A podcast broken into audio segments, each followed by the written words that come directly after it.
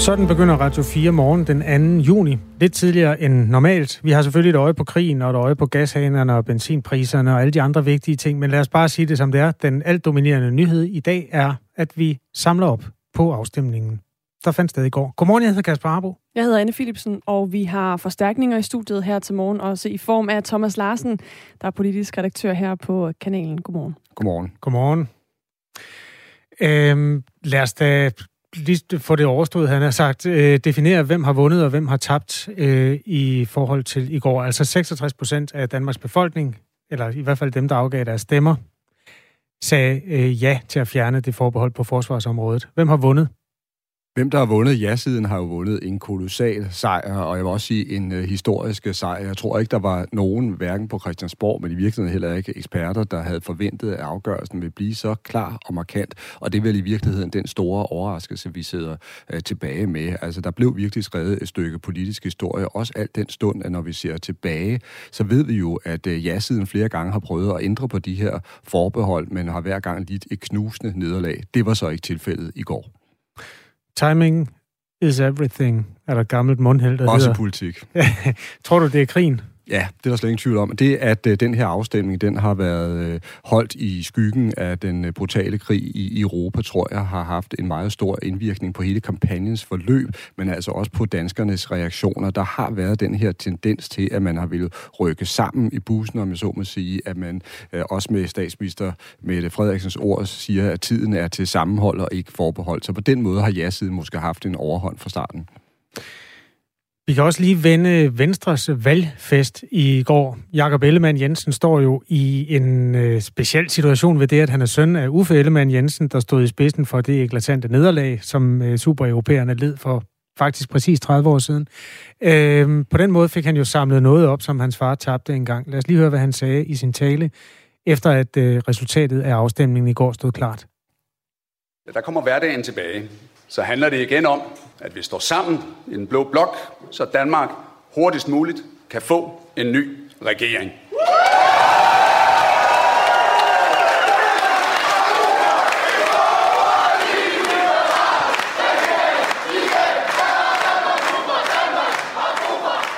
Det var alligevel hurtigt, var det ikke? Det var meget hurtigt. Jeg er helt chokeret. Jeg har ikke hørt det klip her før. Jeg sidder og afspiller det nu i radioen. Altså, han det, sætter simpelthen valgflæsket på bordet i samme sekund, som øh, afstemningen er overstået.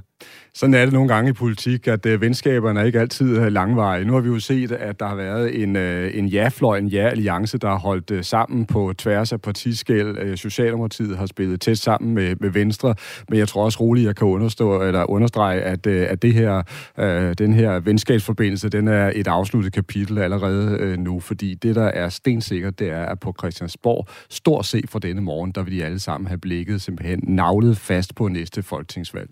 Han har jo altså også, øh, vi skal jo bare kigge ud af vores øh, vindue. Vi bor på Banegårdspladsen i Aarhus som radio betragtet, og øh, Jakob Ellemann han har simpelthen hængt sit ansigt op i øh, tre etagers højde lige udenfor. Altså er der noget, øh, hvad kalder man det, momentum, som man skal tage med fra sådan en afstemning over en valgkamp? Ja, hvis han er dygtig, så skal han prøve at holde fast i det her momentum, fordi det er jo tydeligt for enhver, at Jakob Ellemann Jensen han har haft en ekstremt svær start som Venstres formand. Altså, der har været en masse uro, profiler har forladt partiet på stribe, og han har haft meget svært ved at finde sin egen rolle, og meningsmålingerne har jo generelt været yderst skuffende. Men det er som om, han har fået et gennembrud under den her øh, kampagne op til afstemningen. Han har kæmpet for noget, han tror på, og så har han jo været med til at vinde en sejr, og jeg synes også, hvis man ser på Blå Blok, så har han været altså en af de absolut stærkeste politikere. Vi har fået en sms fra Ivan ind på øh, 1424. Han skriver, ja blev det, så jeg var på taberholdet. Jeg vil sige tillykke til ja-siden, og lad os så komme videre. Politikerne må gerne gå på sommerferie, for der er et par af ja-partilederne, jeg ikke magter at se og høre mere på, lyder det altså fra øh, Ivan. Og det er jo et input, vi øh, gerne tage imod. Vi tager også gerne imod det modsatte synspunkt her til morgen på øh, sms'en, fordi det er jo virkelig en dag derpå for rigtig mange, der har taget stilling til, hvor de står i den her øh, debat, og hvor de ligesom synes, at det skulle have gået hen. Og der vil jo altså være både øh, vinder og, og tabere. Det var der jo også, øh, og er der jo også på Christiansborg. Lad os også lige øh, vende en af aftenens ja, vi kan lige så godt sige store vinder, Mette Frederiksen. Statsministeren sagde øh, sådan her under sin tale i aftes. I en af de allerførste diskussioner, jeg selv indgik i i den her valgkamp, der var der en ung kvinde, der spurgte mig. Hun sagde noget i retning af, jeg plejer at stemme nej. Jeg overvejer den her gang at stemme ja. Men hvis jeg nu gør det, lover du mig så, at du ikke tager mig til indtægt for, at nu skal alle forbeholdene væk. Det sagde jeg ja til, og det vil jeg gerne gentage i aften. Thomas Larsen, hvorfor har Mette Frederiksen brug for at sige det her efter en sejr som i går?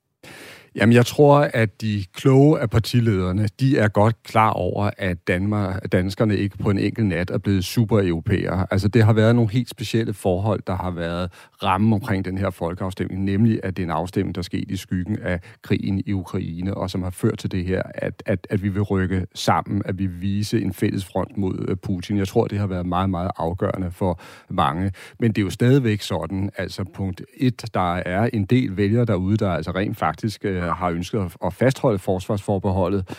Øh, der er en del skeptikere derude øh, stadigvæk. Og så er der jo øvrigt temmelig mange øh, vælgere, det skal vi altså ikke glemme, som faktisk slet ikke altså mødte op og, og, og stemte, og som meget vel kan sidde derude med en form for, for skepsis tilbage. Og det ved flere partilederne på Christiansborg også godt. Og derfor var det også så påfaldende i virkeligheden, at det var altså bredt udsnit af ja-partierne i går, der sagde, vi skal altså ikke ud og prøve at fjerne flere forbehold. Det er ikke det, der er planen. Det var afgørende for os at få fjernet forsvarsforbeholdet, men det er ikke sådan, vi skal til at tage en kamp om euroen eller retsforbeholdet.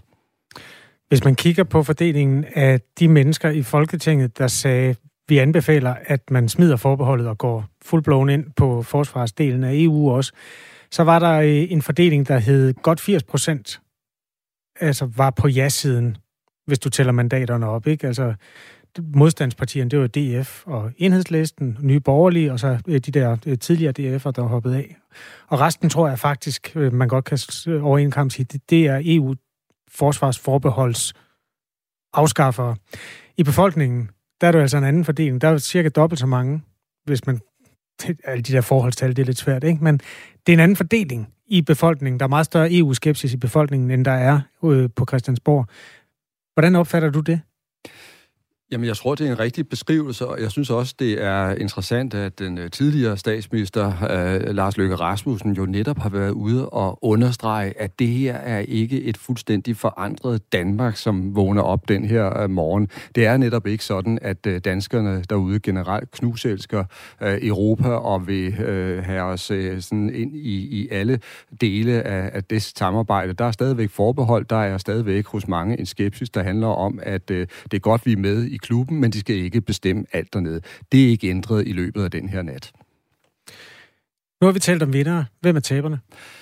Ja, det er jo selvfølgelig øh, nej-siden, øh, som øh, har kørt generelt en, øh, en, øh, en kampagne uden den store øh, slagkraft. Hvis vi ser på, øh, på enhedslisten, så rodede de rundt med interne forhold i en lang periode og skulle i virkeligheden have afklaret helt grundlæggende, hvad de synes om deres øh, forhold til NATO, deres relation til EU. Det gjorde, at de fik en, øh, en svag start med, jeg vil sige, den, den største øh, taber, øh, det, det mener jeg er Morten Messerschmidt. Og det er måske lidt paradox, øh, paradoxalt, når jeg siger det, fordi han var tydelig, han havde slagkraft i kampagnen, han han stod ofte i centrum øh, af debatterne. Men alligevel så er det jo sådan, at han nu har været med til at indkassere et kæmpe nederlag, og når vi ser på DF's position i målingerne, så er de jo ikke rokket sig en tomme, men ligger stadigvæk på et meget, meget skuffende niveau. Og oven i det, så ser det også ud som om, der er udbrudt uro og krig igen mellem ham og Christian Tulsendal. Der er simpelthen så mange små øer, vi kan hoppe ned på undervejs i den her dækning. Vi sender Radio 4 morgen usædvanligt tidligt. Øh, klokken er 5.43, og det er jo fordi, der er historisk stort ja på en historisk lav øh, baggrund ved den EU-afstemning, som nu er overstået. Og forbeholdet, det er en saga blot. Thomas Larsen er politisk redaktør. Jeg hedder Kasper Harbo. Og jeg hedder Anne Philipsen. Og øh, klokken den er 5.43. Tak fordi du lytter med allerede nu. Og noget af det, der har været til debat under hele den her øh, snak om forsvarsforbeholdet, det er, om Danmark nu skal til at deltage i en masse militære missioner i Afrika. Dansk Folkepartis formand Morten Messerschmidt kom faktisk også ind på netop det i sin tale i aftes. Det lød sådan her. Vi har set, hvordan ja-partierne har ført kampagne på krigen i Ukraine, har klædt sig i de ukrainske farver, og har haft svært ved at forklare, hvordan det så kan være, at hovedparten af EU's militære engagement foregår i Afrika. Men sådan er virkeligheden. Og den virkelighed, vi nu står overfor, jamen det er jo, at nu skal vi ikke bare kæmpe for danskernes sag i almindelighed, nu skal vi også holde øje med, hvordan ja-partierne så forvalter det ansvar, som de har påtaget sig i aften. EU har syv aktive militære missioner og operationer, seks i Afrika, som blandt andet bidrager til militær træning i for eksempel Mali, håndhævelse af våbenembargoen mod Libyen og bekæmpelse af pirateri ud for Somalia. Og nu har vi Thomas Mandrup med. Godmorgen. Godmorgen. Ph.D.-master i Afrikastudier og lektor ved Institut for Strategi og Krigsstudier ved Forsvarsakademiet. Nej-partierne, som for eksempel Dansk Folkeparti og Nye Borgerlige, har været meget skeptiske i forhold til, at vi nu skal deltage i militære missioner i Afrika. Er der grund til at tro, at vi kommer til at være involveret i en række af de afrikanske konflikter? Altså først og fremmest, det er jo en politisk beslutning øh, i sidste ende, øh, og det må Folketinget tage stilling til. Men, men hvis du kigger på, som du også selv sagde, øh, hvor er det EU er engageret, øh, så, så er det jo på det afrikanske kontinent i de her træningsmissioner, der er vi jo også selv allerede involveret i den civile del. Altså Danmark er i Somalia øh, og i den civile del af, af, af EU's indsats. Øh, der er også en militær træningsindsats, for eksempel. Så, så vi er der jo mange af de steder alligevel, øh, via Udenrigsministeriet. Øh, så så det har de nok ret i, at det er dernede, som, som hvor problemerne er. Og jeg tror, at Lars Løkke sagde det vist øh, i, hvad hedder det, øh, i, i, i den der runde forleden dag, at, at jamen, det er der, øh, at, at vi har de største udfordringer. Og det handler simpelthen om, at, at amerikanerne i stigende grad ser øh, det afrikanske kontinent som et europæisk sikkerhedsproblem, som vi må hjælpe med at håndtere. Øh, og det er vores ansvar at gøre det, og at vi står også over for en situation, hvor, hvor den afrikanske befolkning i løbet af, relativt få år vil fordobles. Øh, og hvis vi ikke får løst nogle af de udfordringer, der udviklingsudfordringer, der er øh, på det kontinent, så bliver det ramt også. Og vi har jo set, øh, hvordan den der vej over Middelhavet fungerer. Øh, så, så det er nogle ting, vi er nødt til at, at forholde os til øh, som europæisk kontinent, og det er også Danmark, der gør det. Og en ting er jo, hvad vi allerede gør. Noget andet er jo så det, som nej-partierne har, har flaget i debatten. Altså, hvad betyder det så, at vi nu får afskaffet forsvarsforbeholdet? Kommer det til at betyde, at vi kommer til at være til stede endnu mere i Afrika? Jamen altså igen, det er jo en politisk beslutning i hvad for nogle operationer, som, som, som Danmark skal deltage i. Men, men, men man kan sige det på den måde, at, at det vil da give god mening. Altså det det EU kan som i NATO ikke kan, øh, og som FN har sværere ved kan nogle gange, når, når Sikkerhedsrådet kan være enige. Øh, og det er de jo slet ikke i øjeblikket på grund af Rusland og Kina og så videre. Det er jo, at EU har hele paletten. Altså EU har det politiske, de har det, det udviklingsøkonomiske, de har det øh, handelsmæssige, og så har de også øh, de, de civile træningsben, men også de militære træningsben. Og det vil sige, at nu kan Danmark deltage øh, på lige fod med, med, med de andre EU-lande i hele paletten øh, og hjælpe øh, de, de stater, hvor man går ind og, og hjælper, øh, går ind og hjælper øh, der, også med militær træning. Og det hænger jo altså, det er jo også lidt sådan, at, at og det ved man jo historisk set, at, at hvis der ikke er sikkerhed, jamen så, så er der heller ingen udvikling, og hvis der ikke er nogen udvikling, så er der heller ikke noget sikkerhed. Altså de to ting hænger øh, uværligt sammen på en eller anden måde. Og noget af det, der hurtigst ødelægger udviklingsprojekter og, og udviklingsindsatser, det er jo, det er jo krig og konflikt. Ikke? Så, så, så om vi kan lide det eller være, så, så er det at have en, en sikkerhedssektor, der er i stand til at varetage statens sikkerhedsbehov, og, øh, det, det er simpelthen essentielt for at få en, en stabil udvikling også. Og det er jo også det, som, som EU har prøvet at gøre, øh, og Danmark jo også gør bilateralt ved andre steder, i, for eksempel i Afrika. Du lytter til Radio 4 morgen klokken 5.47, og vi samler altså op på det store ja i går. Thomas Mandrup er BUD Master i Afrikastudier og lektor ved Institut for Strategi og Krigsstudier ved Forsvarsakademiet. Thomas Mandrup, øh, i kampagnen her op til afstemningen, der har nej siden øh, kørt lidt hårdt på, at øh, de ting, EU har blandet sig i, i afrikansk, øh, på det afrikanske kontinent, har meget handlet om råstoffer. Det har ifølge en rapport fra Greenpeace, to ud af tre konflikter, hvor EU har vist flaget, der har været råstoffer på spil. Hvordan opfatter du øh, den diskussion? Øh, jeg synes, den er lidt for simpel. Øh, og, men selvfølgelig er det rigtigt, at, at Frankrig har øh, historiske interesser i Mali. Portugal har historiske interesser øh, i, i Mozambique. Øh, franskmændene har nogle olieinteresser der, men det har amerikanerne også, og det har italienerne også, osv. Øh, så, så jo, selvfølgelig er der det, øh, det, det, det element i det, øh, men, men det er jo en meget større problemstilling der, fordi man kan sige, det er også, altså for eksempel når vi tager Mali eller Mozambique, eller tager Somalia for eksempel, så snakker vi om, om, om islamistiske oprørere, som risikerer at destabilisere hele regionen, som, som for eksempel regionen øh, i det sydlige Afrika omkring Mozambique er dybt bekymret for selv, og selv har sat en fredstyrke ind for at at prøve ligesom at, at få, for bremset den her, det her, det her øh, islamistiske oprør. Ikke? I Centralafrika er Uganda selv været inde og prøve at stoppe de islamistiske oprør, som er opererende i Kongo. Ikke? Altså, så, så det er jo ikke, det er jo ikke fordi, at EU opfinder noget på grund af ressourcerne og så videre her. Altså EU går ind, fordi der, der er et behov at, at blive inviteret ind og bliver bedt om at komme og hjælpe øh, på den her måde. Ikke? Så, så selvfølgelig er der måske det element for nogle af medlemsstaterne og de interesser, men, men det kun er det, der gør det, det, det, det tror jeg simpelthen ikke på. Men, men det er selvfølgelig det der med det, vi i Danmark skal være opmærksom på, og det ved vi jo også godt historisk set, at, at,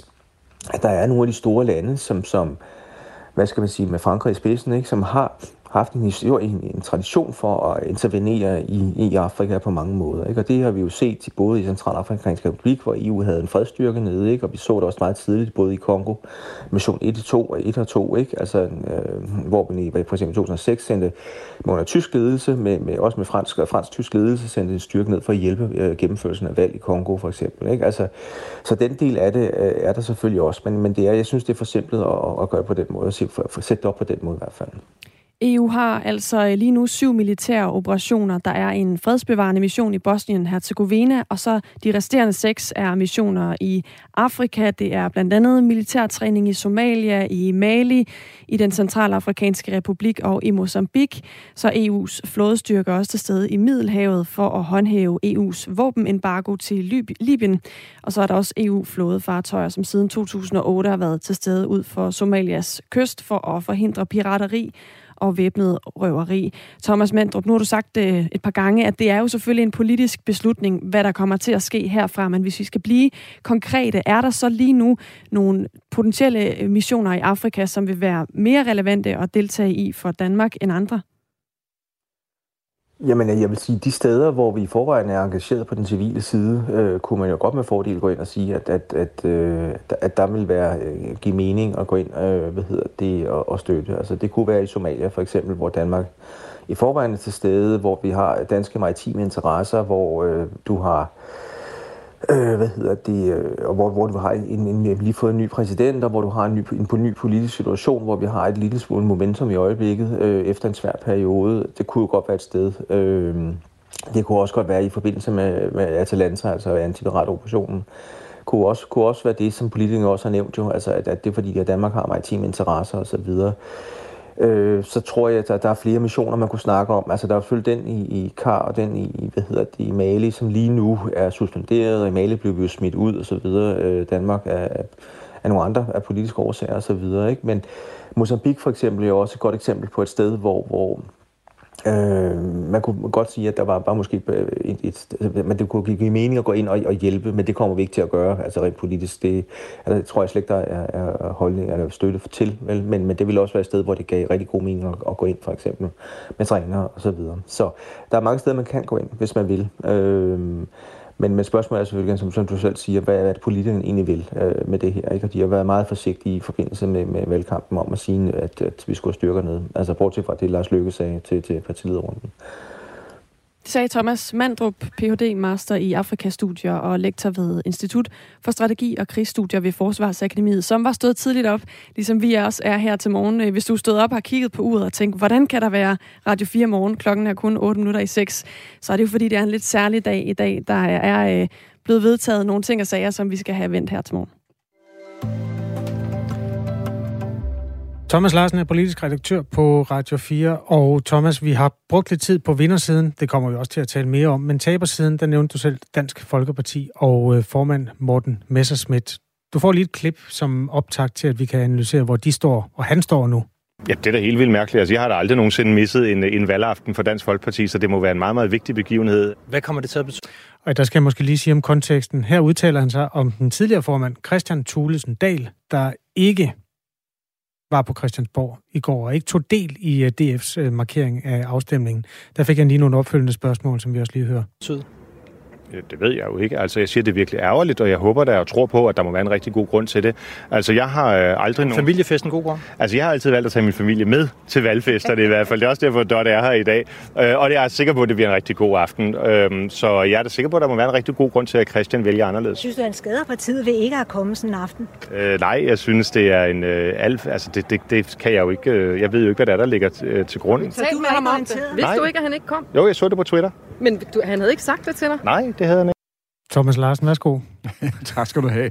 Det er i hvert fald øh, et, øh, eksempel på, at øh, kommunikationen i toppen af DF ikke er særlig harmonisk og særlig øh, venlig i, i øjeblikket. Og hvis jeg skal skære mere til benet, så det her er jo selvfølgelig udtryk for, at Christian Tusinddal, den tidligere formand, og så den nye formand, Morten Messersmith, de står på kilometers afstand af hinanden. Og det er klart, at det kan ikke rigtig udlægges på anden måde, end at Christian Tusinddal, han holdt sit parti ud i strakt arm, da han altså ikke mødte op på Christiansborg i går.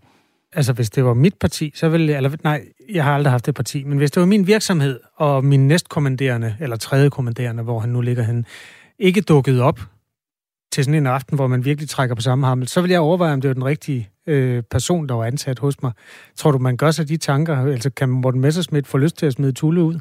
Jamen, det er ikke så nemt sådan noget, men til gengæld tror jeg, at du har fuldstændig ret i, at der er en del, der tænker tanken lige nu, Kasper, i toppen af DF. Jeg tror, at både Pia Kjærsgaard og Morten Messersmith, hvis man sådan så helt ind i dem, så vil de ikke være så forfærdeligt kede af, hvis Christian Tusinddal, han forlod partiet. Altså, der kører i virkeligheden stadigvæk en form for øh, krig, en form for opgør, altså mellem øh, Morten Messersmith og Pia Kjærsgaard på den ene side, og så netop Christian Tusinddal på den anden side. Og der skal vi jo så også lige huske, at det har været helt usædvanligt i den her valgkamp, at vi også har set, at Christian Tulendal i slutspurten har været ude med Inger Støjberg på landevejene, og der er jo massive spekulationer i, at de måske er på vej til at danne et nyt politisk parløb. Det lyder jo som politi- politisk fnider, og det er det jo også i et eller andet omfang, men det er jo også øh, noget, der gør, at noget af det, som Morten Messersmith skulle tale meget om i går, det var det her i stedet for det øh, resultat, der var kommet, og den valgkamp, han havde ført. Altså for ham som leder af et parti, som i forvejen er udfordret, hvad betyder det så, at så den aften som i går, hvor mikrofonerne er helt oppe i ansigtet på ham, der er det det her, der kommer til at være noget af det, man taler om? Jamen, det er jo ødelæggende. Altså, det er indlysende, og det er også klart, at det er en meget, meget hård landing, han får ovenpå en kampagne, hvor han egentlig har stået meget i centrum og har haft masser af taletid, og måske også kunne håbe lidt på, at de her massive problemer, der har været i DF, var et overstået kapitel. Og nu vågner han altså op både til et nederlag, fordi det er klart, at hele afstemningsresultatet gik jo Dansk Folkeparti imod, men han vågner jo også op til den virkelighed, at DF stadigvæk altså kæmper på de indre linjer, og man slet ikke har været i stand til at lave en ægte fred med Christian Tusinddal. Og nu tror jeg, at de alle sammen sidder og holder vejret og tænker, hvad kommer der til at ske i den kommende tid? Vil Inger Støjberg lave et nyt parti? Vil Christian Tusinddal øh, følge hende ind i sådan et parti? Altså så på den måde, så er der altså lige pludselig åbnet op for al den uro og al den turbulens, som vi var vidne til i DF før afstemningen. Inger Støjberg var super glad i går. Vi har et klip, vi skal høre på den anden side af nyhederne, fordi klokken er 6 om 3 minutter.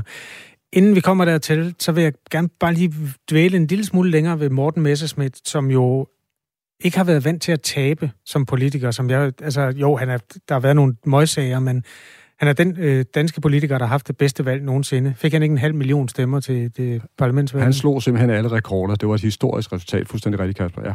Og formandsvalget, der var jo heller ikke meget vagtklinik i lederne. Altså, den tog han også ret sikkert.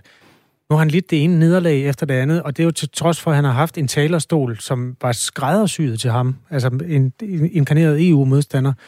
Hvad er det, der ikke virker for ham, som plejer at virke?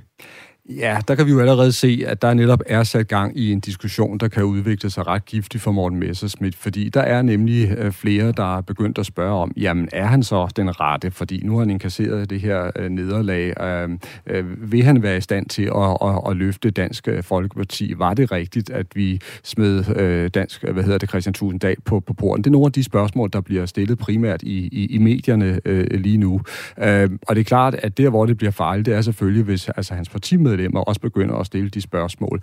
Jeg tror så ikke, at hans position er i øh, fare her nu, Kasper, hvis man siger det øh, direkte. Og det skyldes simpelthen, at der er overhovedet ikke et alternativ på nuværende tidspunkt. Nu er det øh, Messersmith, der så at sige har den, og derfor så får han minimum frem til næste folketingsvalg for at vise, hvad han kan. Du lytter til Radio 4 morgen på en morgen, hvor øh, danskerne har stemt for, et flertal af danskerne har stemt for at fjerne forsvarsforbeholdet. Og med det så er der jo også end nogle danskere. Faktisk en, også en pæn andel, 33 procent af dem, der stemte, der har stemt det modsatte, altså stemt nej til det. En af dem er Marco, der skriver ind på vores sms nummer 1424. Så fik Mette et lille positivt resultat på trods af krig og civile tab i Ukraine. Klap dig selv på skulderen, Mette. Hilsen Marco. Og så skriver han i parentes, jeg stemte selvfølgelig nej. Vi hører meget gerne fra dig, der stemte i går. Øh, det, kan være en rygmarvsreaktion, som dem, vi har fået et par stykker af fra nej-vælgere, som altså anerkender nederlaget og siger faktisk flot tillykke. Det, det er en gentleman sport her til morgen at sende sms'er til nummer 1424. Du må meget gerne skrive, øh, hvad der afgjorde valget for dig, og også hvilken fornemmelse du står med nu, hvor resultatet altså er så klart, som det er. Nummeret herind til, det er 1424. Efter nyhederne, der kommer fem minutters opsamling på nyhederne her øh, om lidt, så skal vi øh, selvfølgelig øh, dybt ned i nogle af de andre ting. Vi skal høre, øh, hvad Inger Støjberg havde at sige, og hvad i alverden hun lavede på Christiansborg. Vi skal også høre fra en mand i forsvaret, øh, en officer, som øh, er formand for hovedorganisationen Officer i Danmark, hvordan hans reaktion på det, det danske udsigt til altså danske soldater i krig under EU's flag. Men først fem minutters nyheder med anne Sofie Felt her på Radio 4. Klokken er 6.